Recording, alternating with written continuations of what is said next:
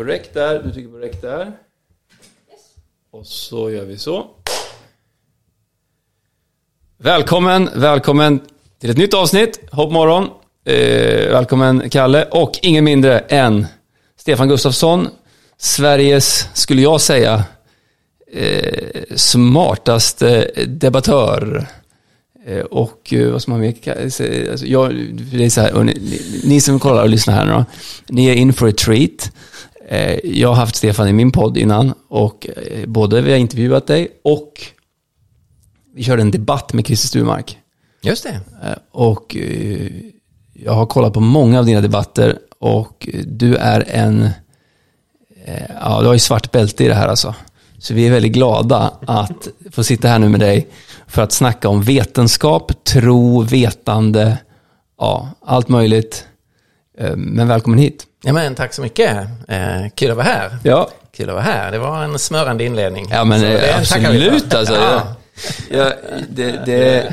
Förväntningarna är här uppe just nu. Ja, just det. jo, men så, alltså, är du lyssnare här nu och du har frågor kring liksom, ja, men vetenskap och tro, går det ihop?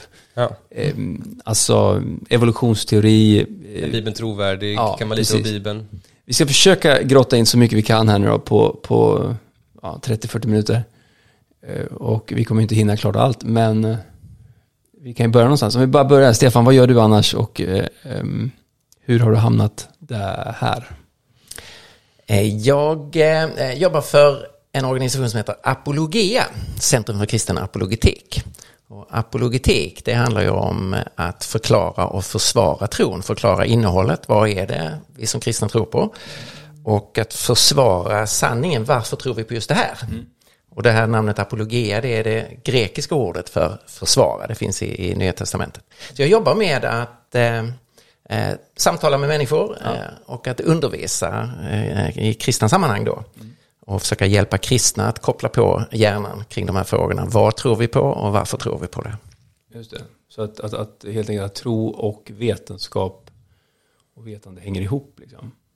Det är, ju ganska, det är ganska naturligt om det, eh, om det finns en gud som har skapat världen och, och liksom kristen tro är, är på riktigt, inte bara någon sorts eh, religiös saga eller så, utan, utan det här skulle vara på riktigt, då, då kan man ju förvänta sig att om det finns en gud som har skapat världen och sen har han uppenbarat sig, avslöjat sig, sagt någonting, mm.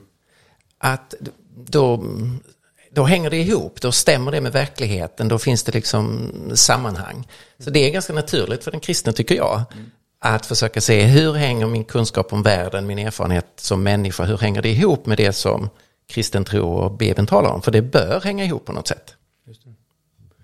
Och hur kom du in på det här? Liksom? Din resa i detta? Liksom? Eh, ja, min, min resa är sådan att jag, eh, jag växte upp i en kristen familj. Och eh, där var den kristna tron självklar. Så vi trodde på Gud och bad till Gud och eh, läste Bibeln och så. Men jag märkte ju väldigt tidigt att eh, vilken konstig familj jag har kommit till. Det här tror ju ingen annan på. Jag växte upp nere i Lund som är en väldigt sekulariserad, eh, sekulariserad, sekulariserad stad. Och då blev de här frågorna väldigt viktiga för mig. Eh, alltså vad det som är, vi nu håller på med i familjen och i den kristna gemenskapen, men som andra antingen, antingen ignorerar och tycker att det är bara ointressant, eller hånar. Ja, men det där är liksom dumt och omöjligt. Och, Eh, och så, eh, vad är det här för någonting? Jag måste försöka reda ut det. Och ska jag verkligen helhjärtat kunna omfamna den kristna tron eh, så behöver jag ha någon sorts grund för varför i all sin tror jag att detta är sant. Mm. Så det, det började som en, som en personlig resa eller brottning. Och sen fick jag hjälp från olika sammanhang att, att jobba igenom de här frågorna och, och fick en, liksom en djupare, ett djupare förtroende för att ja, men det här är på riktigt. Och sen har det blivit min, eh, min kallelse att försöka hjälpa andra människor att, att upptäcka samma sak. Grymt. Spännande alltså, vilken grej. Eh, men jag tänkte att vi ska bena ut lite grejer då. Kalle, var ska vi börja? Var ska vi börja? Nej, men du, du är inne på liksom att när du växte upp och även när vi växte upp, att någonstans att det narrativ som jag matades med, och som vi alla matades med, det var ju att kristen tro, det var passé, kristen tro, det var korkat i mångt och mycket, mm. och det gick inte ihop med med verkligheten. Eh, Bibeln gick inte att lita på, eh, vetenskapen hade motbevisat kristendomen. Eh, så min, bara första frågan, har vetenskapen motbevisat kristendomen? Är, liksom, är de en motpoler mot varandra? Och då är det korta svaret nej, absolut inte. De är inte motpoler till varandra och vetenskapen har inte motbevisat kristen tro. Och då, om, man då ska motivera det svaret, mm. Eh, så måste man säga att eh, naturvetenskapen, om vi försöker zooma in det lite grann, mm. naturvetenskapen som det då ofta handlar om, eh, är, ju ett jätteviktigt redskap, men det har också sin begränsning det kan svara på hur naturen fungerar. Det är liksom uppdraget att analysera och förstå naturen.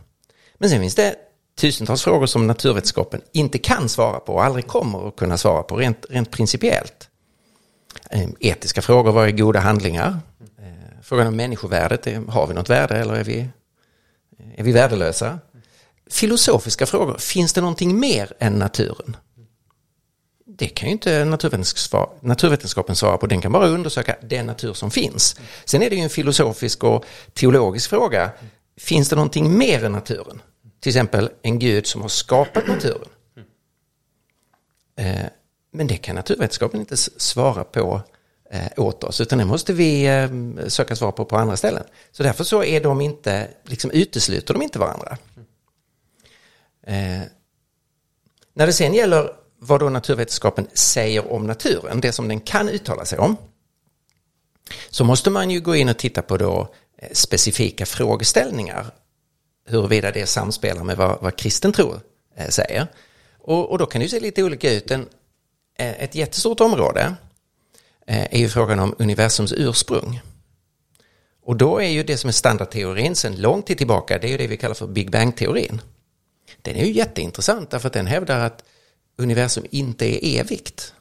Som ju tidigare var den klassiska förståelsen eh, bland eh, ateister.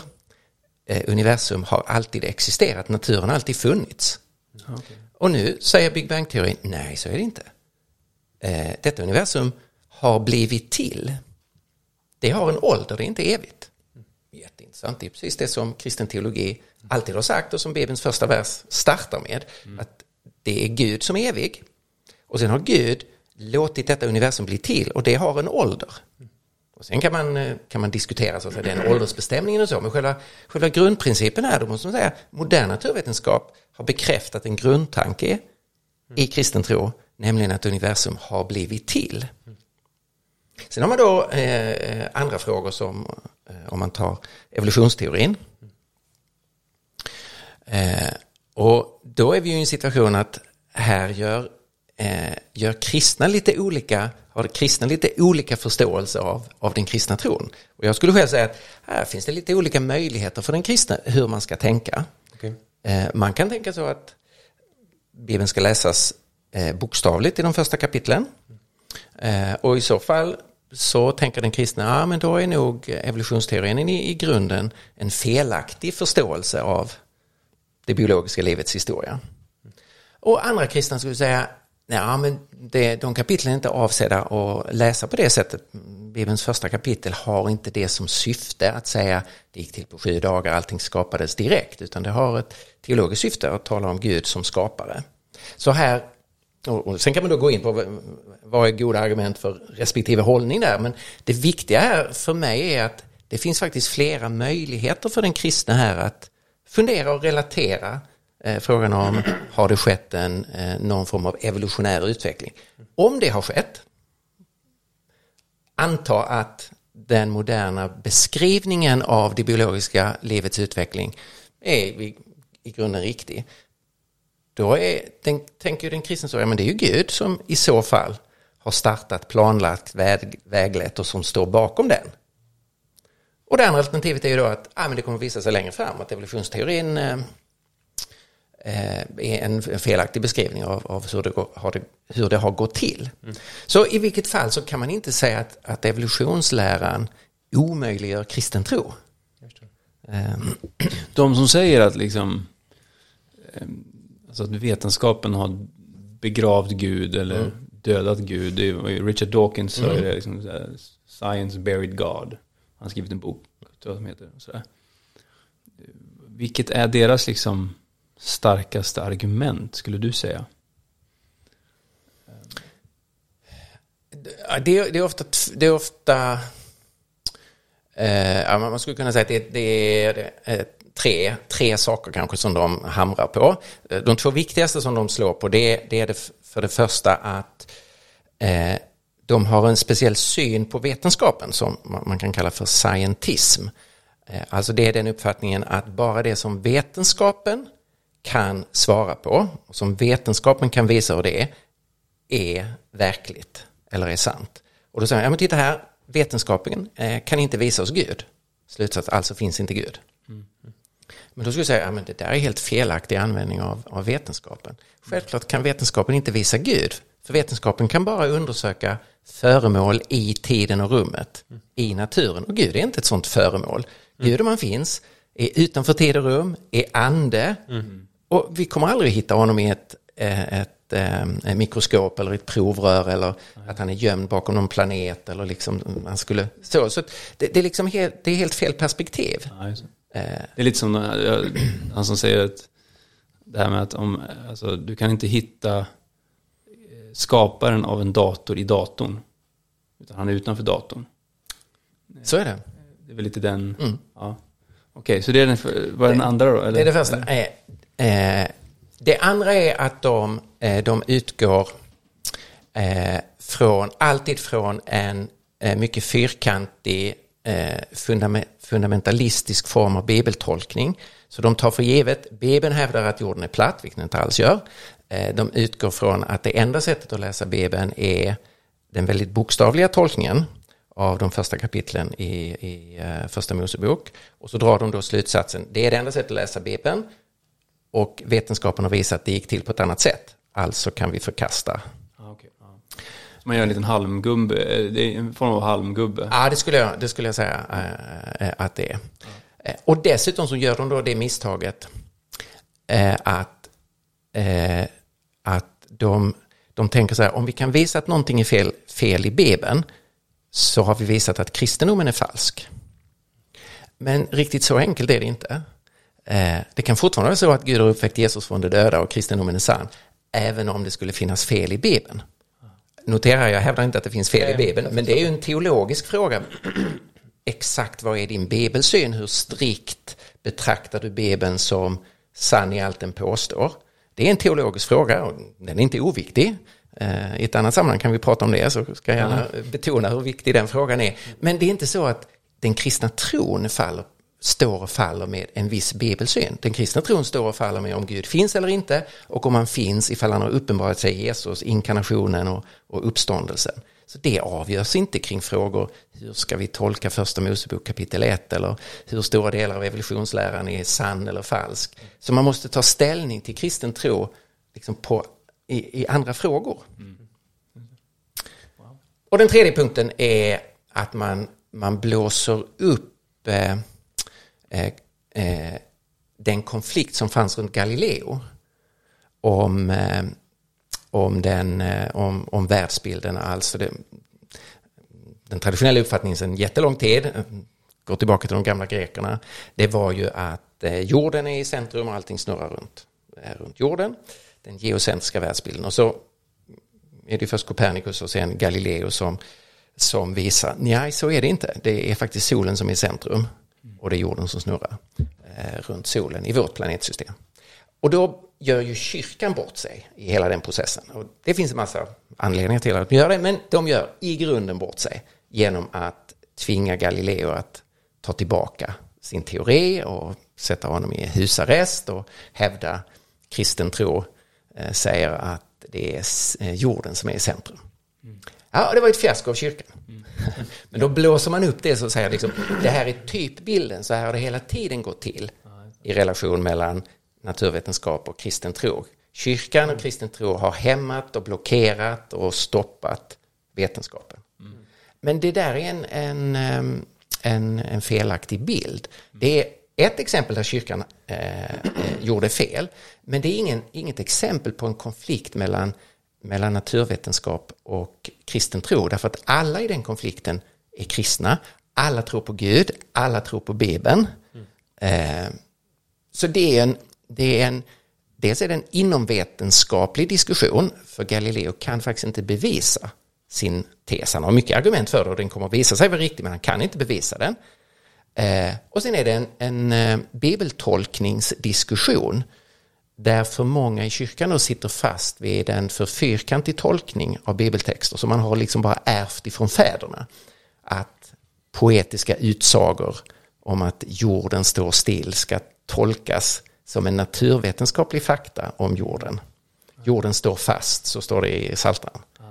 Eh, så det är en bibeltolkningsfråga. Men båda de diskussionerna på båda sidor så är det kristna som tror på Gud, som tror på Bibeln, men som gör då Ja, olika tolkningar och så krockar det. Problemet blir då att, att kyrkan är en maktinstitution. Så de kan liksom, han hamnar inför inkvisitionen och döms till eh, husarrest.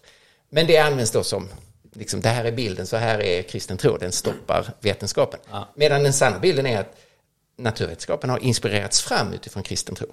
Just det. Precis, kan vi inte bara gå in lite mer på det? För det är inte många som vet att, jag vet inte hur mycket du, du, du vet om det, men just det här med att eftersom vi var läsare då, de kristna var läsare, man läste Bibeln, man studerade Bibeln.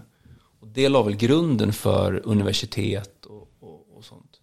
Hur mycket har du koll på det? Och skulle man kunna prata, för många, bilden utåt sett, eller från icke-kristna är ju, som du säger, liksom att kristna är emot vetenskap, vi är emot vetande, vi står emot liksom hela, eh, vad heter den?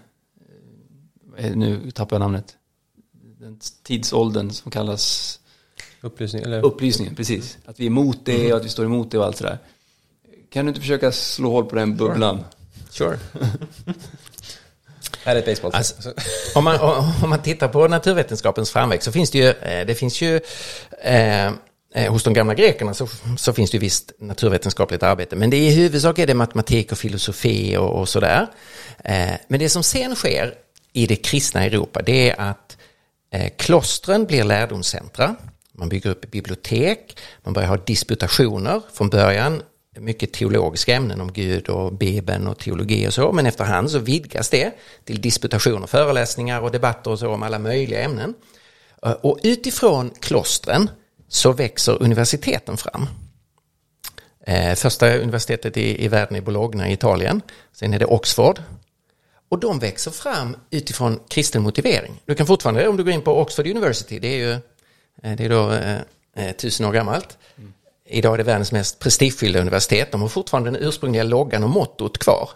Eh, och det mottot är Herren är mitt ljus. Wow. Psaltaren 27, fast det är på latin. Ja. Men så, så hela etableringen av Oxford University är motiverad utifrån den kristna tron. Och det är likadant sen om, om man tittar på universitet, universitetet i Cambridge eller om man tittar på de amerikanska universiteten som är lite senare. Alla har kristna motto. Så University of California, jag vet att du har varit i, i Kalifornien. Eh, eh, de har ju eh, Var det ljus. Ja, just. Och både Oxford University och University of California, deras logga det är ju en öppen bok. Det är ju Bibeln. Ja, precis. Så det är ju det som är grundlagen. Ja. Och det här är vetenskapshistoriker är helt överens om det, att det var ett, ett antal tankegångar i den kristna tron som liksom födde fram den moderna naturvetenskapen. Eh, Att kristna förstod att vi är kallade att eh, lägga den här jorden under oss. Och det kan vi göra eftersom den Gud som har skapat världen är också den Gud som har skapat oss och gett oss eh, vårt förnuft. Och vi kan förvänta oss att utifrån vårt förnuft går det att förstå åtminstone delar av det Gud har gjort. Vi kan, vi kan följa hans tankar i spåren. Så det är ett, ett känt uttryck från den tidiga eh, vetenskapshistorien att man, man säger eh, det handlar om att tänka Guds tankar efter honom. Och då var ju tanken så här, okej det finns en Gud, han har tänkt ut världen, så den har funnits i hans tanke först, sen lät han den bli till. Och så finns vi inuti den världen och vi har fått ett, ett litet tänkande. Och nu kan vi försöka nysta upp det Gud, det som fanns i hans tänkande, som nu sen blev en verklig värld, det kan vi nysta upp. Så det vi gör i vetenskapen är att vi tänker Guds tankar efter honom. Wow, grymt alltså. Det där är, det är hur bra som helst. Eh, och vad, är- vad har vi mer då, Kalle? Jag tänker att man kan spinna lite vidare på, för på ett plan, vi sa tidigare att eh, när vi alla här växte upp på olika sätt så var ju kristendom eh, alienerad och liksom, det gick inte att få ihop med, med, med vetenskap och så vidare. Och, och det var mycket strikt utifrån någon form av vetenskap, naturvetenskaplig liksom, mm. världsbild. Eh, min erfarenhet när jag blivit äldre, eh, nu är inte jag särskilt gammal visserligen, 29, men, men min erfarenhet på senare dagar är att många av de människor som har invändningar mot kristen tro är det ofta inte naturvetenskapliga eller liksom så, utan snarare moraliska och filosofiska. Att men jag vill inte tro på en gud som, och som till exempel som skulle tycka att det här är synd eller det här eller så. Um, och framförallt när det kommer till uh, saker som vi har lyft upp som, enligt mig kanske ibland som avgudar egentligen, det kommer till sexualitet. Att det är en sån avgud man inte får röra i Sverige, mm. uh, eller i västvärlden på många håll. Uh, och det skulle jag, det är min erfarenhet på äldre dagar, att det är den största stötestenen i förhållande till kristen tro. Och det är många, som jag uppfattar det, väljer att nej, men jag, jag attraherar Jesus, tycker om Jesus, jag vill följa Jesus, men inte om han är sådär. Um, känner, förstår ni vad jag menar? Mm, känner, känner du igen er den liksom, mm, mm. beskrivningen? Ja, för jag upplevde ett skifte så ändå. Ja. Hur, hur tänker ni kring... Ja, jag vet att det var väl Christer Sturmark som sa det att, att om det skulle om, om, om, det skulle bevisas att Gud är, att Bibelns Gud är sann, då vill jag ändå inte följa honom för att han är så, han är så, han, han tyckte han är så taskig på något sätt, han är så ond då, eller i hans mm. värld. Mm. Eh, vilket eh, vi såklart inte håller med eh, så, men det är ju också en moralisk grej då. Mm. Ja, vad har vi att säga om det? Jag, jag tänker, det går, det går tillbaka till någonstans För i grund och botten, min, min uppfattning är att folk kan ha frågor kring, kring kristen tro. Mm. Man kan ha mm. liksom, men hur funkar det, hur går det ihop? Mm. Men många gånger så går det tillbaka till att jag vill vara den som bestämmer mitt eget liv. Mm. Det är min erfarenhet. Eh, och eh, många vill det liksom attackera, liksom, är, är Bibeln trovärdig? Kan verkligen alltså, kunde Paulus skriva det där? Eller sa Jesus det här? Eller, eh, om vi går till Bibeln egentligen, mm. som jag skulle mena är en av de största, liksom, de mest viktiga sakerna vi har. Är Bibeln trovärdig? Finns det liksom goda argument att tro att Bibeln är, är sann? Mm. Öppen bred fråga, men... Mm. Om jag får börja med att kommentera det du sa med vad, vad människor har för invändningar så, så tror jag att det är, eh, det är ganska viktigt att se att vi inte längre är en homogen, enhetlig kultur. Mm. Och det var vi ju mycket mer när, om jag tänker, om du pratar om äldre dagar, när jag växte upp, då är det liksom eh, ja. forntida dagar. 1800-talet. Ja, just det. då var ju Sverige mycket mer av en enhetlig kultur och det innebar också att då var kritiken mot kristen tro var, var, också mer enhetlig. Det var liksom en viss sorts frågor. Mycket frågor då utifrån naturvetenskap och, eh, och så. Eh, det som har hänt sen är ju att, att vår kultur har blivit pluralistisk. Mm. Så nu finns det en del människor som tänker eh, typiskt utifrån upplysningen, det moderna projektet, rationella invändningar, naturvetenskap och kristen tro. Sen har vi det postmoderna. Mm. De bryr sig inte så mycket om, om de där frågorna, mm. utan Eh, då är det ju frågor om eh, helt andra saker. Kan Jesus vara enda vägen? Är inte det arrogant? Är inte det intolerant? Och, och eh, det är fel att missionera och försöka pressa på sin uppfattning på andra. Låt var och en tycka och tänka vad de vill. Så länge alla nöjda. Ja, just det. Så man bryr sig inte om sanningsfrågan.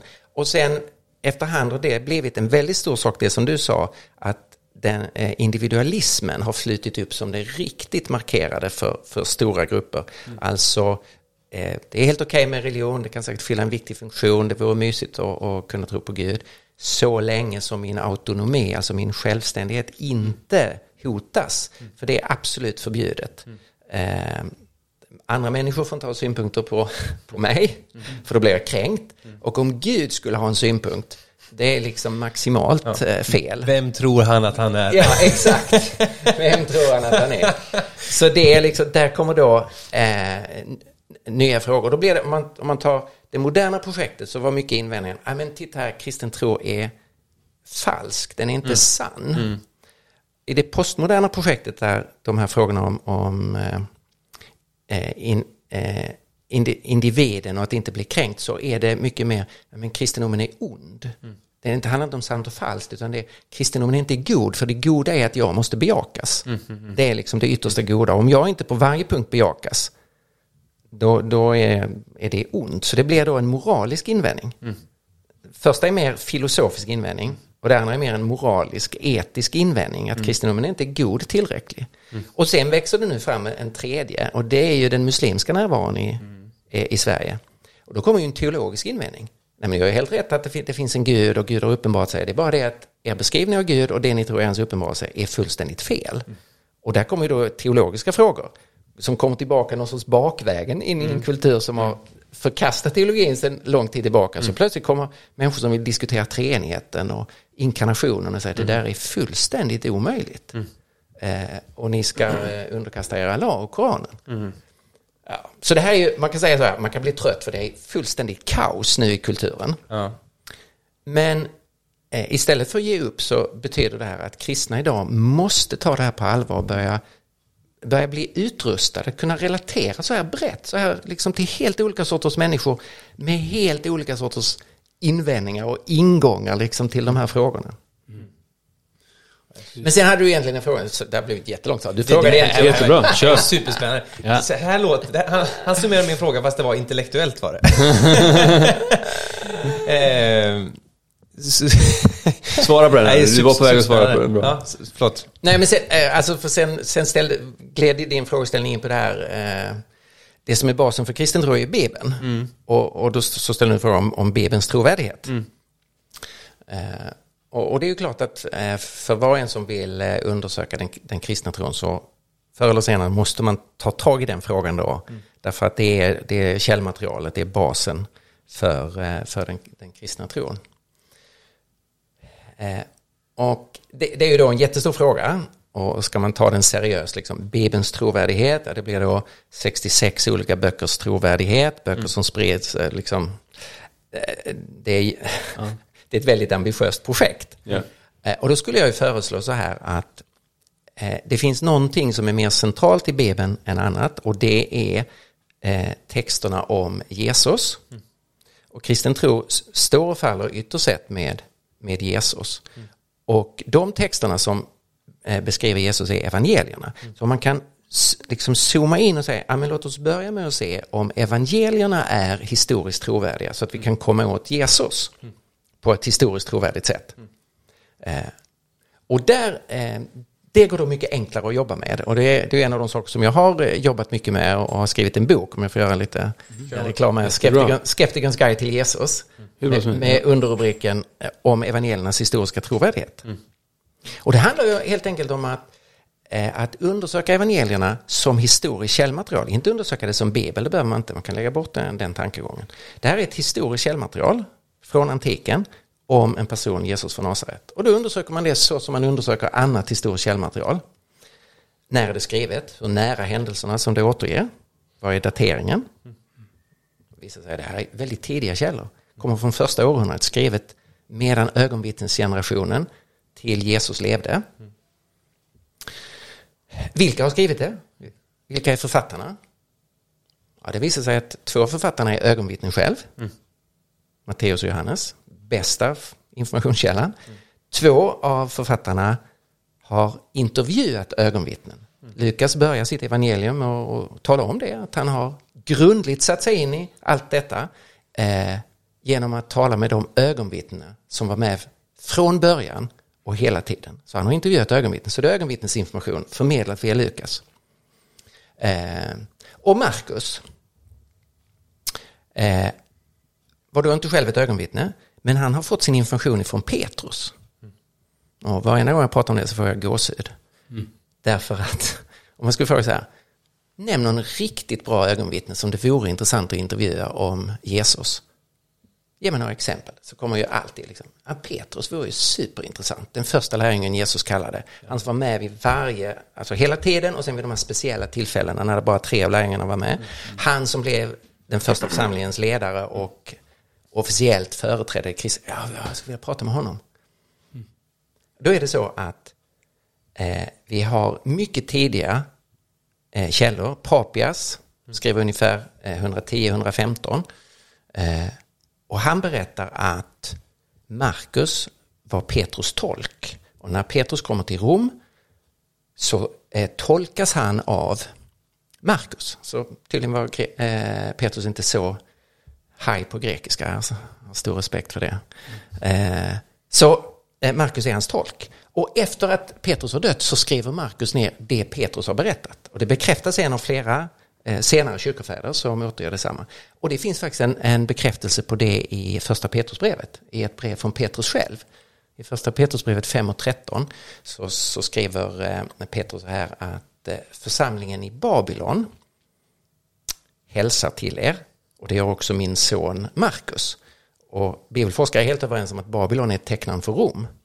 Så Petrus skriver från Rom och har sin andlige son Markus hos sig i Rom. Så Markus evangeliet är Petrus berättelse återgivet av Markus. Ja. Okej, okay, så vi har tidiga källor från ögonvittnen eller från intervjuer av, av, mm. av ögonvittnen. Eh, och sen tittar man på eh, det som de här källorna säger så stämmer det överens med övrig information vi har. Mm. Alltså det de säger om geografiska platser, det de säger om naturen, växtlighet och sånt där, om det sägs något, det de säger om politik, om juridik, eh, om systemet, Pontius Pilatus var han ståthållare i Judeen, Herodes Antipas var han lydkonung över mm. Galileen. Man tittar på vad sägs om, finns det någonting om det sociala mönstret, hur såg man på spötälskare, hur såg man på eh, hur såg man på tullindrivare, eh, hur såg man på kvinnor, hur såg man på hedningar. Och man kan visa på hundratals områden att det som evangelierna, det som finns med i förbifarten i evangelierna, passar in i den historiska bild som vi har av antiken. Alltså det är historiskt trovärdigt. Så jag skulle säga om, om man tar källor från eh, antiken som Tacitus, romersk historieskrivare, eller Josefus, judisk historieskrivare, ska man fråga så här, och de litar vi på, vi skapar vår bild av antiken utifrån den sortens källor. Så kan man fråga, vad har de som evangelierna inte har? Och då säger jag, ah, evangelierna matchar dem på varje punkt. Alltså det är ett historiskt trovärdigt material som gör att vi har anledning att, att läsa det och börja ta på allvar det som det berättar om Jesus. Mm. Och sen funkar det så här, eh, skulle jag säga, i, i kristen tro, att om man då studerar det historiska materialet, man börjar närma sig personen Jesus, och man då börjar bli övertygad om att, att han är den han säger sig vara, att han är Guds Messias som är sänd i världen och att Gud har uppväckt honom från de döda, då blir man en kristen. Det tycker jag du ska bli. Okej, okay? mm. eh, då blir man en kristen. Man bekänner Jesus som Herre. Mm. Och då börjar man ju tänka så här, okej, okay, Jesus är Herre, han är Guds son, han har full koll. Nu vill jag börja förstå, hur tänker han om Gud? Tänker han om bön? Hur tänker han om pengar, om sex? Och tänker han om framtid? Jag vill lära mig av honom. För han är Guds son, han vet vad han talar om. Och då vill jag lära mig, vad tänker han om Bibeln som helhet? Mm. Vad tänker han om Gamla Testamentet? Mm. Hur såg han på apostlarna och det som de kom att skriva efter hans tid? Och då får jag ett stort förtroende för Gamla Testamentet och för de apostoliska skrifterna utifrån Jesus. Eh, så då kan man säga, fick ni en struktur kring hur man kan undersöka Bibelns trovärdighet, att man börjar med evangelierna, mm. närmar sig Jesus och sen utifrån Jesus så kan man få, mm. sen kan man gå in och titta på arkeologi på ja. Gamla Testamentet och sånt där. Men... Och sen så kan man också kolla på det som Bibeln säger, av frukten känner man trädet. Mm. Någonstans kan vi också se att vad har, vad har hänt med de samhällen där man har applicerat Bibeln mm. och de här liksom tankarna, de här värderingarna. Mm. Så ser man, okej okay, men har det lett till något bra eller har det lett till något dåligt? Så. Mm. Och har livets Gud skapat liv om man nu säger så? Eh, och det är också en sån, men eh, jag vet inte om du har en annan fråga, men jag har en fråga. Och det, jag har en fråga också. Men... Eh, om men ställ du först, för jag kanske, vi kanske avslutar med min. Okej. Okay. Men det där, jag ska bara säga, det där är ju intressant. Alltså, man, hur kommer det sig att den kristna, den, eh, den kristna västvärlden är världshistoriens mest framgångsrika civilisation? Ja. Mm. Det betyder inte att den är syndfri, det har hänt hur mycket elände som helst, hur mycket ondska som helst, men det är ju inte att, för, att vara förvånad, det har skett i alla kulturer. Mm. Det förvånande i den västerländska civilisationen, det är ju de enorma framsteg som har gjorts. Mm. Eh, och eh, den respekt för människan som har vuxit fram och eh, sjukvården och, och, och, så vidare och så vidare. Ja, och det där har ju sina rötter i den, i den kristna tron. Ja. Det, det, går liksom inte att bortse ifrån. Så det har mm. skapat fantastiska frukter. Hela den tanken på människovärdet som mm. bär upp västerlandet. Mm. Ja, den kommer från den kristna tron. Mm, precis. Eh, Jag, jag har en fråga. Eh, Utifrån det vi sa tidigare egentligen, när vi pratade om eh, tiden, eh, moderna liksom, samhället växte fram och man diskuterar med, med naturvetenskap och så vidare, är det kompatibelt med kristen tro? Eh, sen har vi postmoderna idag och sen så även så, med invandringen och eh, islam och eh, ortodoxa andra, men det kommer upp Mm, frågor som teologiska frågor, treenigheten och så vidare. Men om vi vänder oss till den, den, den postmoderna människan. Eh, är den kristna tron, är att följa Jesus, är det goda nyheter för den postmoderna människan? Eh, när jag som individ är i centrum i den postmoderna världen, det, det är min sanning, mitt liv, ingen ska sätta på mig, det är jag, me, myself and I, min, inte någon form av självförnekelse utan snarare självuppfyllelse. Eh, är evangeliet, är bibeln, är den kristna tron goda nyheter för den postmoderna människan eller är det inte det?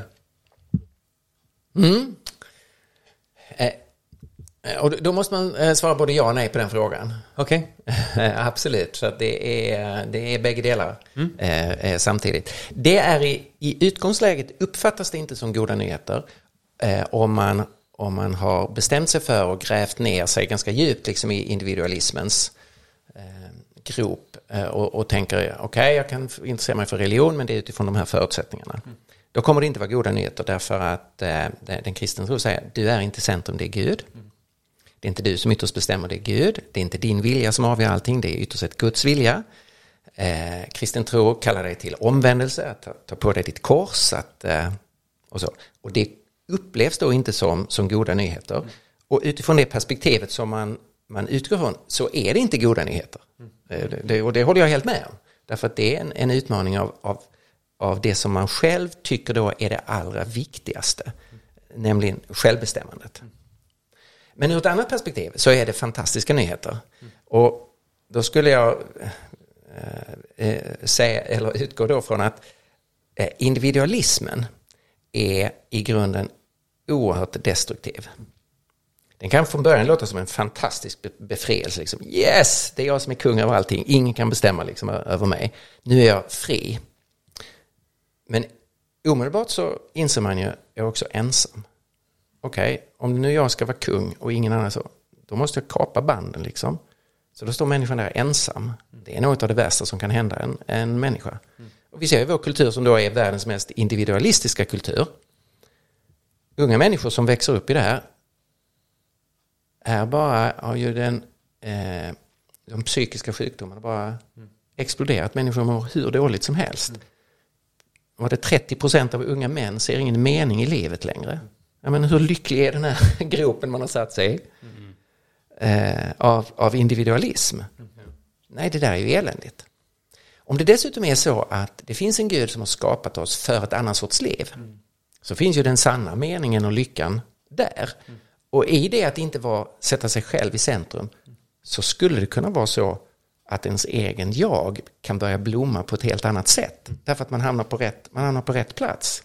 Under Gud tillsammans med bröder och systrar. Och det där är ett mycket rikare liv. Men det krockar med vår själviskhet. Och det krockar med det som vår kultur idag eh, tar för givet att man ska bejaka det som Bibeln kallar för synd. Man har nästan inget syndbegrepp längre. Eh, medan Bibeln har en väldigt tydlig, Gud har tänkt vissa saker och vi är korrupta. Och därför drar vi som människor iväg åt, åt fel håll. Och Bibeln kallar oss att omvända oss och börja rikta in vårt liv utifrån det som är Guds vilja. Och där finns ett pris, där finns en smärta i, i, i det, men det finns också en enorm vinst. Men- Att hamna rätt, liksom, att börja leva så som Gud har tänkt. För det, i längden så, så stämmer det med vem jag egentligen är. Skapad att vara Guds avbild. Ja, men, word alltså. Himla bra. Ja, verkligen. Ehm, om det nu är liksom så som du säger, här nu då, att, eh, ja, att Gud finns, att Gud har skapat jorden, att eh, det finns ehm, reason och, och, och, och verkligen liksom bra argument för att Bibeln är trovärdig. Att eh, varför har inte vi den uppfattningen i Sverige?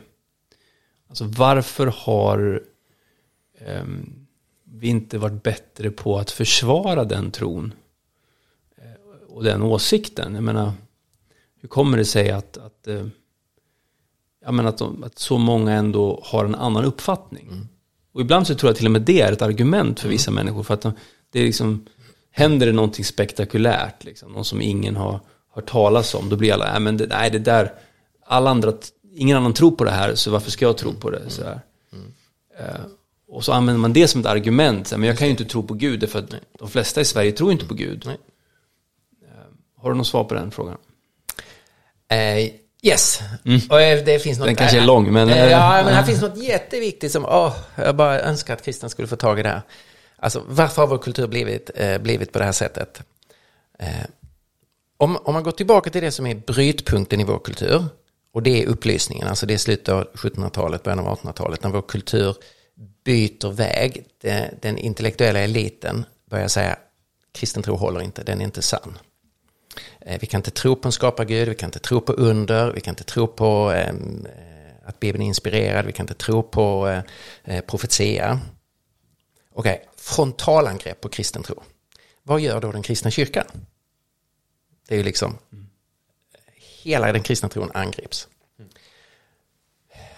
Då kommer det två sorters respons från kyrkan.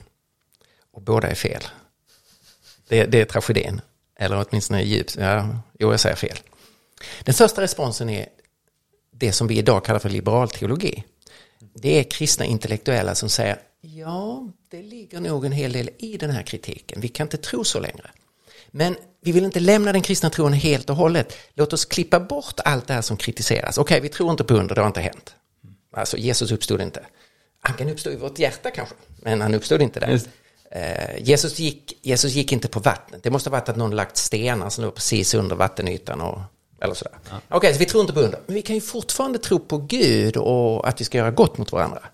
Så har man reducerat kristen tro till något enormt mycket mindre och tagit bort allt det som är övernaturligt. Och det har gjort kristendomen helt ointressant i längden. Och de kyrkor som går den vägen, de, de dör.